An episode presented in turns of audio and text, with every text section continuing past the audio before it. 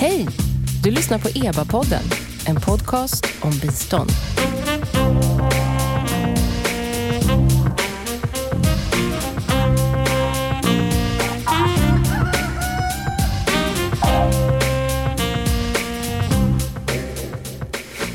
Välkomna till EBA-podden. Jag heter Noomi Östlund och den här podcasten ges ut av Expertgruppen för biståndsanalys, EBA. Det är en statlig kommitté som utvärderar och analyserar Sveriges internationella bistånd. Ni som har lyssnat på podden tidigare märker att jag är ny här. Jag jobbar till vardags på EBAs kansli och kommer leda podden under några avsnitt framöver. Idag ska vi prata om svenskt bistånd till Afghanistan. Har vi kastat miljarder i sjön eller har vi under de senaste åren lyckats bidra till att bygga upp landet? Ungefär samtidigt som talibanerna tog över Kabul publicerade EBA en underlagsrapport som sammanställer utvärderingar av svenskt bistånd till landet under de senaste 20 åren. En rapport som är skriven av Adam Payne, forskare med lång erfarenhet av just Afghanistan. Med mig idag har jag två gäster som också har stor kunskap om såväl Afghanistan som svenskt bistånd till landet. Välkommen Göran Holmqvist, avdelningschef på Sida. Hej. Vad gör man på din avdelning? Eh, vi ansvarar för biståndet som vi har till Asien, till Mellanöstern och så har vi vårt eh, humanitära bistånd också. Så det är inte bara Afghanistan? Nej. Bara. Men det är ett stort land. Det är ett stort land. Andreas Stefansson, generalsekreterare på Svenska Afghanistankommittén, SAK. Välkommen. Hej, tack. Du jobbar här i Stockholm och leder organisationen. Ja, Men du har också jobbat i Afghanistan tidigare. ja. Eh, första perioden 2000 till 2003. Sen har jag varit där i olika perioder, sammanlagt tio år i landet. Men sedan eh, 2017 så jobbar jag i Stockholm. Ja. Välkomna båda två. Vi ska prata lite om biståndet till Afghanistan med utgångspunkt i, i EBAs rapport men också toucha lite andra saker om eh, hur situationen ser ut där idag och hur biståndet kan se ut där framöver. Den här rapporten från EBA målar upp en ganska mörk bild av biståndets resultat under de senaste 20 åren. Både det svenska biståndet och generellt. Göran, Sida har ju hanterat stora delar av det svenska biståndet till Afghanistan. Vad tänker du om rapportens slutsatser? Eh, det är ju mycket vi känner igen oss i rapporten och inte minst då hur svårt det är att bedriva bistånd eh, under krig och när man dessutom är då inte identifierad med en av de krigförande parterna. Eh, och givetvis också att det är en kontext präglad av väldigt mycket korruption. Eh, vi gör ju sådana här rapporter, eller ni gör dem, för att vi ska lära oss av dem. Eh, och jag tänker att eh, det finns ju tre saker som försvårar lärandet. Eh, efterklokhet, eh, önsketänkande och eh, eh ska säga blame game. Eh, eh, och eh, därför så tycker jag det är viktigt att man ändå ställer sig frågan vilka alternativ hade man att välja på och vem hade de eh, vägvalen eh, att göra i olika skeden. Eh, och för Sidas del då, eh, där var det ju faktiskt så att vi hade ett, ett, ett eh, brett politiskt åtagande. Att biståndet till Afghanistan skulle vara långsiktigt. Eh, 14 år, alltså det talas om fram till 2024 då i de här åtagandena som gjordes 2012. Eh, det skulle vara stort, ungefär de volymerna vi har haft. Och hälften skulle gå via den afghanska staten. Det var ett brett eh, förankrat politiskt beslut som alla politiska partier ställde sig bakom i riksdagen utom, utom två. Då, men, men det var liksom både regeringen och, och, och huvuddelen av oppositionen. Det var ju givetvis en realitet och en utgångspunkt för vad Sida sen gjorde. Men, men tänker du, blame game och efterklokhet, är det liksom olycklig timing med den här rapporten? För den här rapporten började ju skrivas eh, i slutet av förra året och så kom den nu som av en händelse precis när, när eh, talibanerna då tog över Kabul. Är det lite, nästan lite olyckligt att den kom nu? Nej, det tycker jag inte. Den, den är, den, den, eh, det är ju stort intresse för Afghanistanbiståndet och vad vi kan lära av den eh, liksom erfarenheten. Eh, både på politisk nivå och eh, när det gäller vårt militära engagemang. Eh, och även inom Sida såklart. Och, och du, du var inne på det, men en sak som diskuteras mycket är ju eh, värdet av allt det bistånd som har gått till den afghanska staten. Var det lätt att lägga så, rätt att lägga så mycket resurser på just bistånd till att bygga upp en afghansk stat? Eller hade man kunnat ge, kanalisera biståndet till andra kanaler? hur många som pratar om nu. Det var som bekant då en given förutsättning eh, som, som Sveriges riksdag faktiskt hade tagit ställning till. Att vi skulle arbeta via den afghanska staten. Och instrumentet blev den här eh, omtalade Världsbanksfonden som har stått för ungefär halva biståndet. Då. Eh, och som var ju ett sätt att både säkerställa givarsamordning och att du fick en tydlig överrock och kontrollmekanism när du jobbade mot de här väldigt svaga eh, och eh, delvis korrupta statliga strukturerna. Ehm, så att eh, det var ju, eh, liksom, eh, tror jag, rätt val. Hade vi inte jobbat via staten, utan vi hade gjort så som i många andra fragila kontexter, det vill säga ett, ett okoordinerat givarplotter via diverse civila aktörer enbart och så hade staten fallit. Då hade vi suttit här och pratat om, ni gav ju aldrig dem en chans att bygga upp sina institutioner. Det är jag övertygad om att vi hade fått pratat om idag. Eh, så valet av att vara givarsamordnade och valet av att ändå försöka bygga upp institutioner, det är svårt att tänka sig att, eh, att, liksom det, det, att man skulle ha valt bort det. Eh, sen kan man givetvis diskutera, var det för stort? Kunde det ha gjorts på ett annat sätt och så vidare. Eh, men eh, det tillhör så att säga, utgångspunkterna. Andreas, SAK är ju en organisation som är helt fokuserad på, på Afghanistan. Vad är er bild av, av utvecklingen? Är det så svart som det kan tyckas på de senaste veckornas rubriker när det gäller utvecklingen eh, av landet? Just nu så ser det ju väldigt mörkt ut, men ser man på utvecklingen på lång sikt så är det absolut inte så mörkt som det ibland framstår i media och så vidare. Nej, det är ju stora framgångar som har skett, inte minst på grund av att man har byggt på offentliga institutioner och, och den skalan man har uppnått genom liksom väldigt stora satsningar inom hälsovård, utbildning, landsbygdsutveckling. Eh, de här exemplen vi brukar ta tycker jag är väldigt målande, där du har liksom bara några hundratusen barn i skolan för 20 år sedan och idag någonstans mellan 7 och 9 miljoner barn, varav 40 procent är flickor. Mödradödlighet som har halverats. Ehm, så att det är ju liksom många framsteg som har skett på grund av att man har liksom byggt offentliga institutioner. Och jag tror också att de offentliga satsningarna har bidragit till normförändring, det som också Adam Payne är lite inne på och tycker att det där måste man snarare bara jobba liksom i den lokala myllan, förvisso. Men den lokala myllan har också påverkats av att man har sett miljontals barn varje dag gå till och tillbaks från skolan. Men den här, mm. den här lokala myllan är spännande. För mm. Adam är inne på det i sin rapport. Eh, det här med att, att förstå den lokala kontexten som, mm. ett, som en väldigt eh, viktig framgångsfaktor för, för biståndet eh, i Afghanistan. Hur, hur gör ni? Jag menar, ni är en organisation som finns på plats. Hur gör ni för att förstå den lokala kontexten och, och säkerställa att ni hamnar rätt i en sån här komplex miljö? Ja. Också? Eh, ibland när vi får frågan så pratar vi om att vi har funnits där i 40 år. Det är ju svårt att ge det rådet till andra att bli kvar i 40 år och försök förstå. Men eh, någonstans har vi från, från start byggt väldigt mycket på att ha afghansk personal på alla ledder, liksom från fält upp till ledningsnivå. Och eh, Eh, en utgångspunkt så fort vi påbörjar en verksamhet är att sätta igång en dialog med lokalsamhället och då dricker man väldigt mycket, många koppar grönt te. Eh, och den dialogen förs ju ofta med eh, de traditionella liksom, beslutsfattarna, byalagen motsvarande, alltså det kallas det för shuras i, lokalsamhället. Och det är inflytelserika eh, personer som, som är jordägare eller som hand om bevattningen, som är böneledare. Och det är väl kanske lite som byalagen förr där prästen och rektorn och några till liksom samlades. Eh, och börjar man då prata om vilken verksamhet vi skulle kunna stödja dem i, då börjar man bredda den här gruppen till att också involvera sig en kvinna som kanske är utbildad som skulle kunna bli en lärare. Man börjar diskutera hur utbildning funkar i ett en muslimsk kontext. Vad, vad är föreställningen om allas rätt till utbildning och så vidare. Och då har vi liksom rustat vår personal med sådana mer progressiva tolkningar av islam. Så det börjar ju ske en slags förhandling på lokalsamhället och en förankring. Och när de då är redo, det kan ju ibland ta ett halvår, eh, när de är redo att liksom, ja men låt oss testa för första gången i byn att ha en flickskola. Då kan vi också ibland peka på exempel där det funkat i andra byar och visa att det var inte så farligt. Och det har ju faktiskt gynnat den här byn. Nu har man liksom börjat få utbildade barnmorskor, det förändrar liksom, Liksom, de räddar liv och så vidare. Um, där jobbar vi ju väldigt mycket med just det Adam Payne är inne på, liksom en, en slags förändringskraft som, som bygger på att det kommer inifrån och underifrån.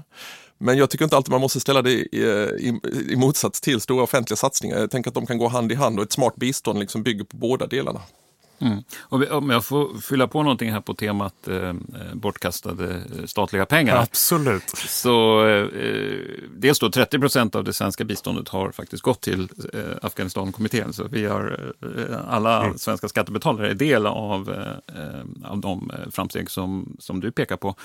Även faktiskt den här Världsbanksfonden eh, har ju ägnat sig åt att finansiera den här typen av aktörer som Svenska Afghanistankommittén. Och det har gjort utifrån en tanke om att främja lokal demokrati. Så det är de här Community Development Committees där människor lokalt har fått välja vilka projekt som, som man ska prioritera. Det var liksom en, en stor övning i lokal demokrati som har eh, finansierats.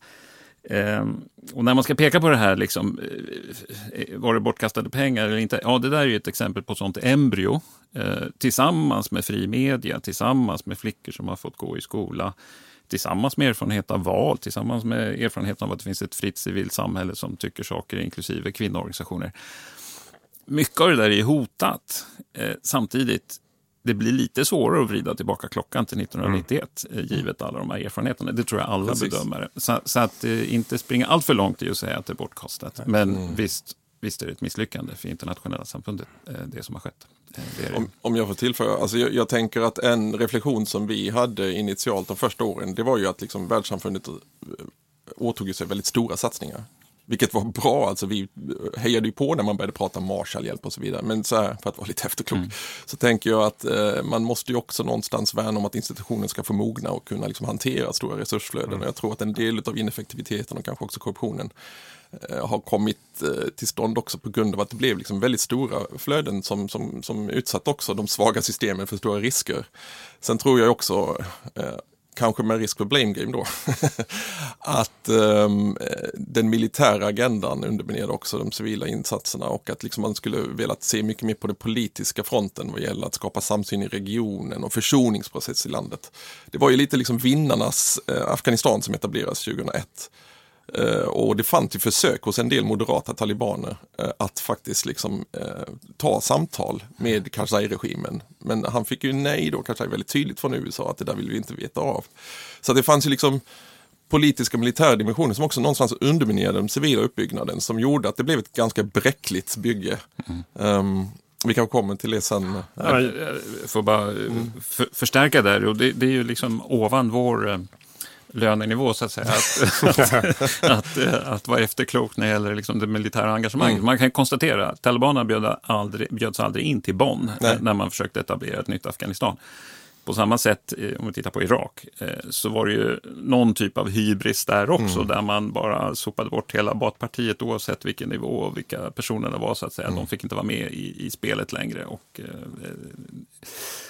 kanske en tendens till, till hybris där som, mm. som snarare borde ha, ha eh, riktat energin då mot att skapa eh, försoning, i den mån det var möjligt. Mm. Eh, men det är ju en sån diskussion som pågår ja. internationellt. Och, och, och, det här är ju, jag menar, i, i, Afghanistan så har vi också lite speciellt, för vi har haft en svensk militärinsats. Hur, mm. Nu är vi inne på den här svensk, eller militär-civila samverkan. Hur, hur har det påverkat Sidas bistånd, det svenska biståndet, säger du Göran?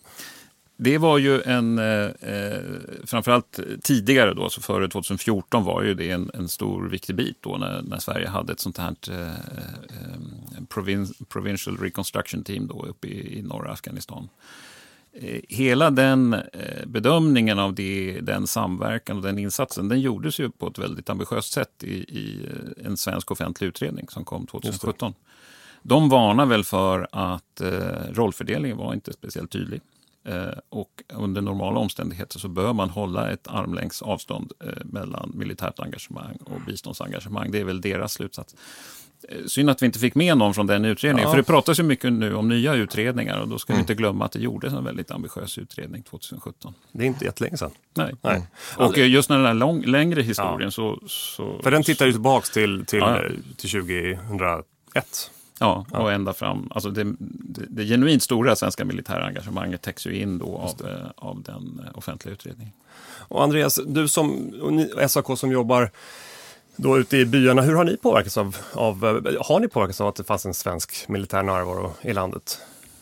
Ja, vi påverkas i stort av den hela internationella närvaron, men tar vi specifikt den svenska då uppe i de fyra norra provinserna så fanns det ju några år då man hade en mer uttalad strategi att försöka eh, finna synergier mellan bistånd och, och eh, militär närvaro.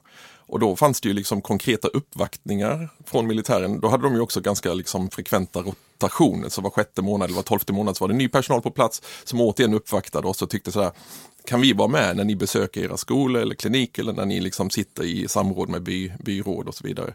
Eh, vi kan säkra era transporter genom att följa med med väpnad eskort och så vidare. Och, och, och, då var ju vårt gensvar snarare, eller vårt svar tillbaka var ju nej tack, alltså vi, vår säkerhet bygger på att vi just är vapenlösa. Eh, och den här liksom tilliten och förtroendet som finns på lokal samhällsnivå är ju just att de, de vet att vi inte är en part i den här liksom, konflikten. Um, och, och, det var ju lite svår, eh, svårt för militären att smälta. Sen fanns ju också eh, tyvärr då eh, ett tag öronmärkning av bistånd till de fyra provinserna. Och det var ju också för att man började ju nära den här föreställningen att militären hade en väldigt viktig uppgift i att återuppbygga landet. Så man kallade det för Provincial Reconstruction Teams just, vilket var väldigt missvisande. Så där satt då en 400-500 svenska soldater och liksom beslutsfattare lokalt och samhället fick då intrycket att de här ska nu hålla på med reconstruction. Eh, men det sättet som Sverige löste det på, man pytsade inte ut massa bistånd genom militären, det gjorde ju andra länder. Men det, det, sättet som Sverige då politiskt tog ett beslut om det var ju att eh, låt oss öronmärka då, det var väl en 20 procent mm. av svenskt bistånd, till de fyra provinserna. Så inte byggt direkt på liksom behovsanalys och fördelning av biståndsaktörer eh, eller liksom eh, vem som verkar, utan det, det handlar om att där har vi militär, då ska liksom svenskt bistånd också öronmärkas dit. Och eh, det, det, gick ju till, till och med så långt så att man började prata med oss om att kan ni börja använda andra loggor? Kan ni börja ha riksvapnet på era skyltar? Liksom? Eh, och återigen fick vi ju säga liksom bestämt nej. Men vi började liksom krångla också och tycka sådär, men Alltså det här med att vi ska använda riksvapnet. Känner ni till till exempel att det finns ett kors längst upp på den här liksom kronan? Eh, det i sig är ju en väldigt känslig symbol i Afghanistan. Och då gick visst den frågan hela vägen till den svenska riksheraldikan. Och sen fick vi aldrig svar, jag tror det fastnade där. Men alltså det fanns ju många sådana här försök till liksom synergier, samverkan och Tony Tingsgårds eh, rapport pekar just på att det där är ju en lärdom att man ska just låta bli, alltså man ska undvika det där. För den civila befolkningens uppfattning av den internationella militären. I början fanns det nog ändå ganska stor, stor acceptans och eh, vilja att internationella trupper bidrar till stabilisering. Och då var det ISAF-uppdraget då, där Sverige också ingick. Men vad som hände ganska snabbt det var ju att man började ju uppfatta den amerikanska War on Terror, som var en mm. annan slags insats som heter Operation Enduring Freedom då. Där hade man liksom specialtrupper, drönarattacker, natträder, människor som försvann, massa sådana här liksom brott mot mm. internationell mm. humanitär lag som aldrig riktigt utreddes och sådär. Eh, de två insatserna hamnade efter ett tag under samma ledning.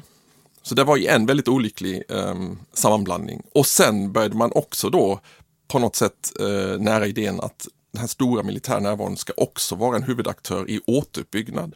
Och då börjar man blanda militärt och civilt. Och det gjorde ju att vi, eh, alltså både givarländer eh, och, och biståndsaktörer och civilbefolkningen förstås, började liksom hamna i ett läge där vi inte riktigt kunde sätta utvecklingsmålsättningar först, utan vi liksom intvingades i någon annan mall som hade mer kortsiktiga militära målsättningar. Colin Powell har ju gjort ett infamöst uh, uttalande då någon gång uh, när det begav sig att uh, The NGO workers are the extension of our combat troops. Eh, och eh, tittar vi nu så här efteråt, alltså det är ju, det är ju ett krig med så mycket tragedi mm. i sig, men bland tragedierna det är också 500 biståndsarbetare som har mist livet och ett tusental då som har blivit kidnappade eller sårade på olika sätt.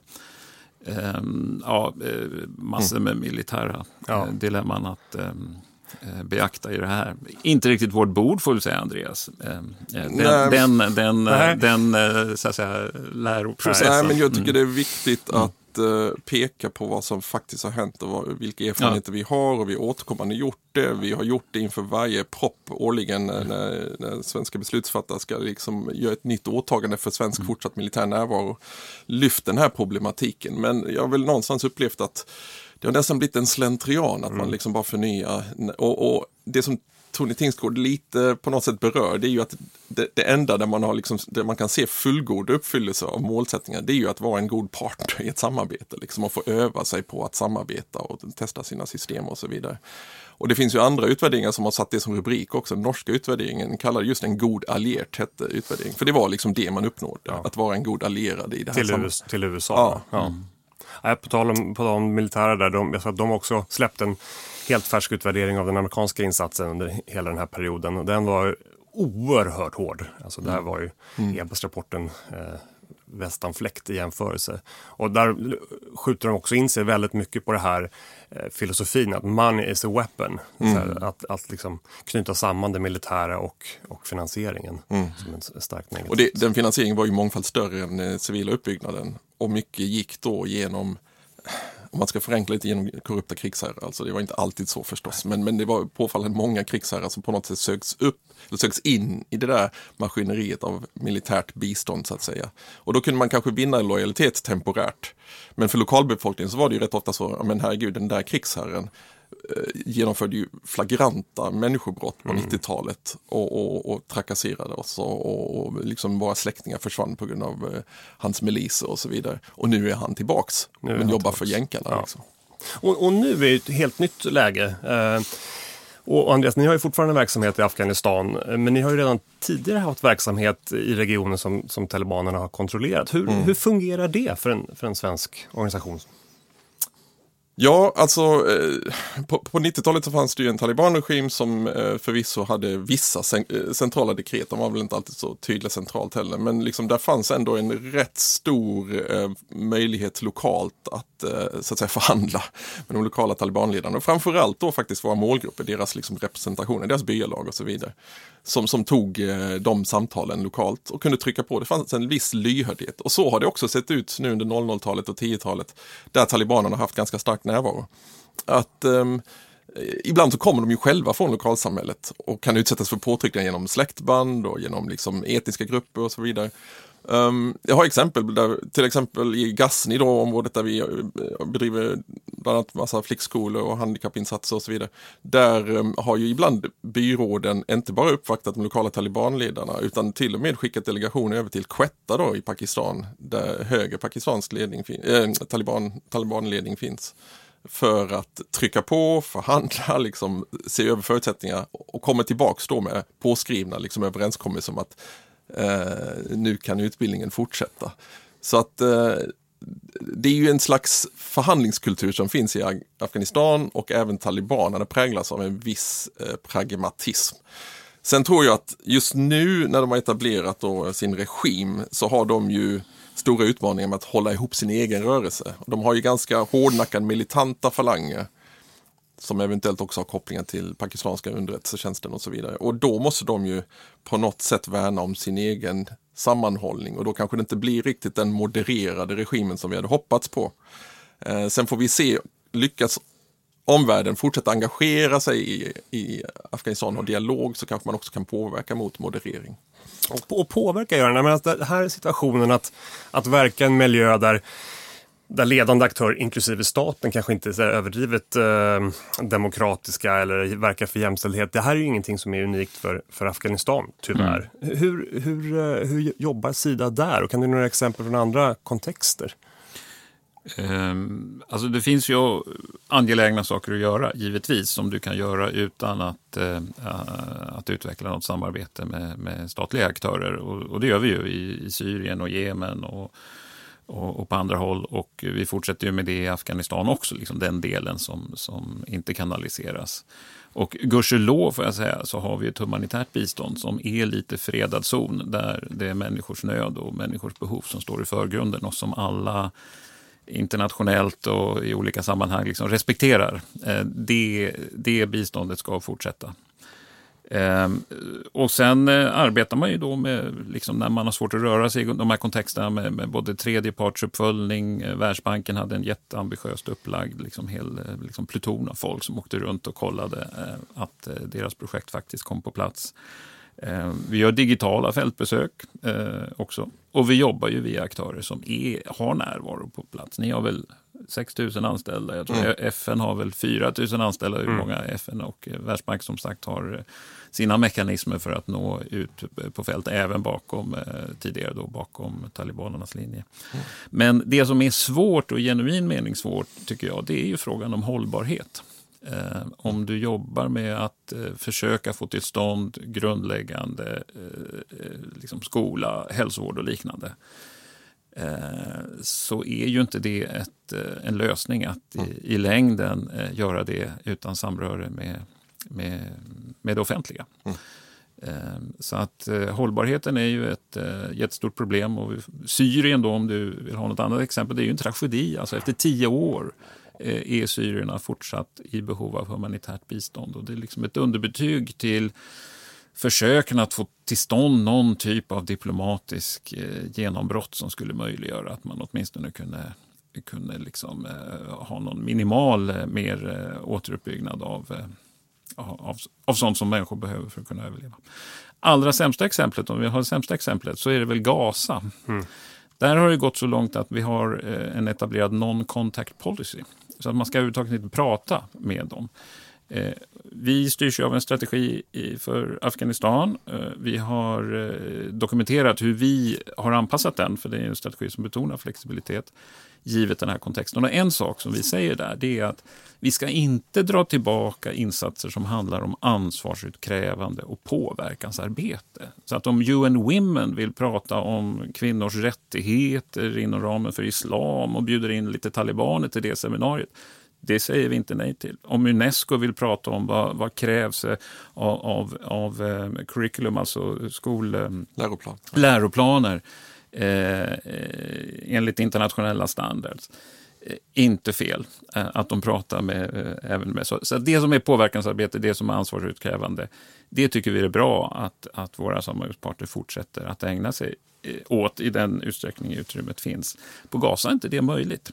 Mm. Men hur kan man i Afghanistan då bygga långsiktigt? Hur, hur ser Sida på situationen nu och, och, andra givare? För jag antar att det är en en, en eh, dialog med, med andra viktiga mm. givare i landet också. Hur, hur, man ska gå tillväga närmaste tiden. Vi vet ju inte hur det slutar. Um, alltså en, en möjlig väg är ju då att givarna säger det här är en pariastat, vi jobbar bara via humanitärt bistånd och de oberoende, helt oberoende aktörer som kan få fortsätta verka. Det andra när man lyssnar på EUs utrikesministrar och även andra, det är ändå att vi, vi ska eh, engage, eh, vi ska söka former Eh, och, eh, så vad man skulle önska sig är någon typ av diplomatiskt eh, genombrott där vissa garantier utfärdas av, eh, av, eh, av det nya styret, talibanstyret. Om de säger ja, eh, flickor ska gå i skolan hela vägen upp, ja, då kanske man ska eh, vara med och bidra på något sätt för att undvika den här totala kollapsen. Mm. Eh, men om det blir möjligt eller inte, ja, jag vet inte. Nej. Eh, jag vet inte. Och, om man får avslutningsvis då, du vet inte, får man be om en ett försök till spaning. Vågar ni på eh, förutsäga vad kommer hända här fram till årsskiftet? Hur kommer situationen se ut i januari? Mm. Fram till års, årsskiftet? Alltså, ska jag börja? börja ja, eh, alltså, jag, jag ser ju att vi här och nu har en kris som bara tilltar. Um, vi får inte glömma att uh, när talibanerna tog över så var det ett oerhört skört läge i landet. Med Eh, konflikten förstås som hade skapat liksom miljontals internflyktingar med pandemins effekter som har gjort att ekonomin inte bara avstannat utan börjat krympa. Um, och sen så liksom den här torkan som har varit väldigt ihåll, eh, som, som, som, har, som har pågått i flera år liksom, på grund av klimatförändringar så har det blivit liksom mer extremväder och sådär. Så att um, uh, det här som sker nu när vi dessutom får ett totalt strypt bistånd och uh, inga transfereringar från Världsbanken, från, från IMF och så vidare. Uh, det har gjort att liksom, ja, miljontals människor står ju nu också sysslolösa. Ehm, och jag tror att ehm, eh, och utebliven samhällsservice och så vidare. Vi ser alltså redan idag, eh, eh, Världshälsoorganisationens eh, högsta chef Dr. Tedros var i Afghanistan häromdagen och, och just eh, beskrev hur någonstans 85 procent av hälsofaciliteterna i landet faktiskt är, anses vara eh, nedstängda just nu. Så det är, det är typ sak mm. Afghanistankommittén och Aga Khan mm. och några till aktörer som, som kan upprätthålla. Så jag tror den situationen kommer nog göra att det blir allt sämre de närmsta månaderna. För även om man nu skulle kunna lyckas inom de närmsta veckorna att se genombrott i det som du var inne på Göran, så undrar jag liksom, det kommer ju börja materialiseras i november-december, men då är vi inne i vintern i Afghanistan. Och då är vissa delar av landet faktiskt otillgängliga. Mm. Så jag, jag är orolig för var dag som går nu. Men sen tror jag att hittar vi möjlighet att både få fram liksom humanitärt, eh, öka mycket på humanitära stödet och eh, hitta spår så att man åtminstone kan rädda en del av den offentliga eh, sektorn. Så måste vi sen jobba på den här dialogen och engagemanget med den nya regimen för att börja också liksom eh, framtvinga en moderering, ett vis, vissa åtaganden mot rättigheter och så, så liksom bygga lite på det och se vad är det man då kan liksom fortsätta förvalta och bygga ut av eh, samhällsservice. För befolkningen är redo. Befolkningen har förändrats idag jämfört med 20 år sedan och det är kanske det största hoppet. Befolkningen liksom är redo att försvara och bygga vidare. Och de känner sig oerhört frustrerade nu för de känner en väldigt stark liksom, stolthet och ägarskap i det som byggts över de senaste 20 åren. Och kan vi finna former att fortsätta stödja dem um, så tror jag att det finns förutsättningar att också bygga sig ur den här krisen. Men jag, men jag tror att vi går mot en oerhört uh, jobbig situation i Afghanistan de närmsta sex månaderna, tyvärr. Mm. Uh, ja, man, kan möjligen hoppas då på, på en utveckling i linje med vad EUs utrikesministrar pekade på. Alltså tydligt villkorat fortsatt engagemang eh, med, med, med liksom red lines. Eh, och det kräver ju att diplomatin eh, mm. har sina framgångar för att möjliggöra det, helt, helt klart. Och vad händer annars? Ja, den här kollapsen finns där som ett hot. Man kan ju också faktiskt tänka sig att vi får ett ett lite någorlunda stabilt men väldigt repressivt eh, mm. Afghanistan eh, skulle kunna bli en möjlighet. Det mm. blir mindre humanitär kris men, men mer av eh, så att säga, mm. politiskt förtryck. Det hänger väl bland ihop hur mycket grannländerna är beredda att, att supporta eh, landet. Och sen det som väl inte är avskrivet eh, är väl risken för någon typ av inbördes liknande, krigsliknande situation. Det går liksom inte att avskriva det i alla fall. Vi har haft fel förut kan vi säga när det gäller att säga om framtiden i Afghanistan. Så att, eh, hålla dörren öppen för flera scenarier har vi väl lärt oss att det är bra. Det är en, inte en helt ljus bild ni ger i er spaning. Vi får hoppas att ni har fel.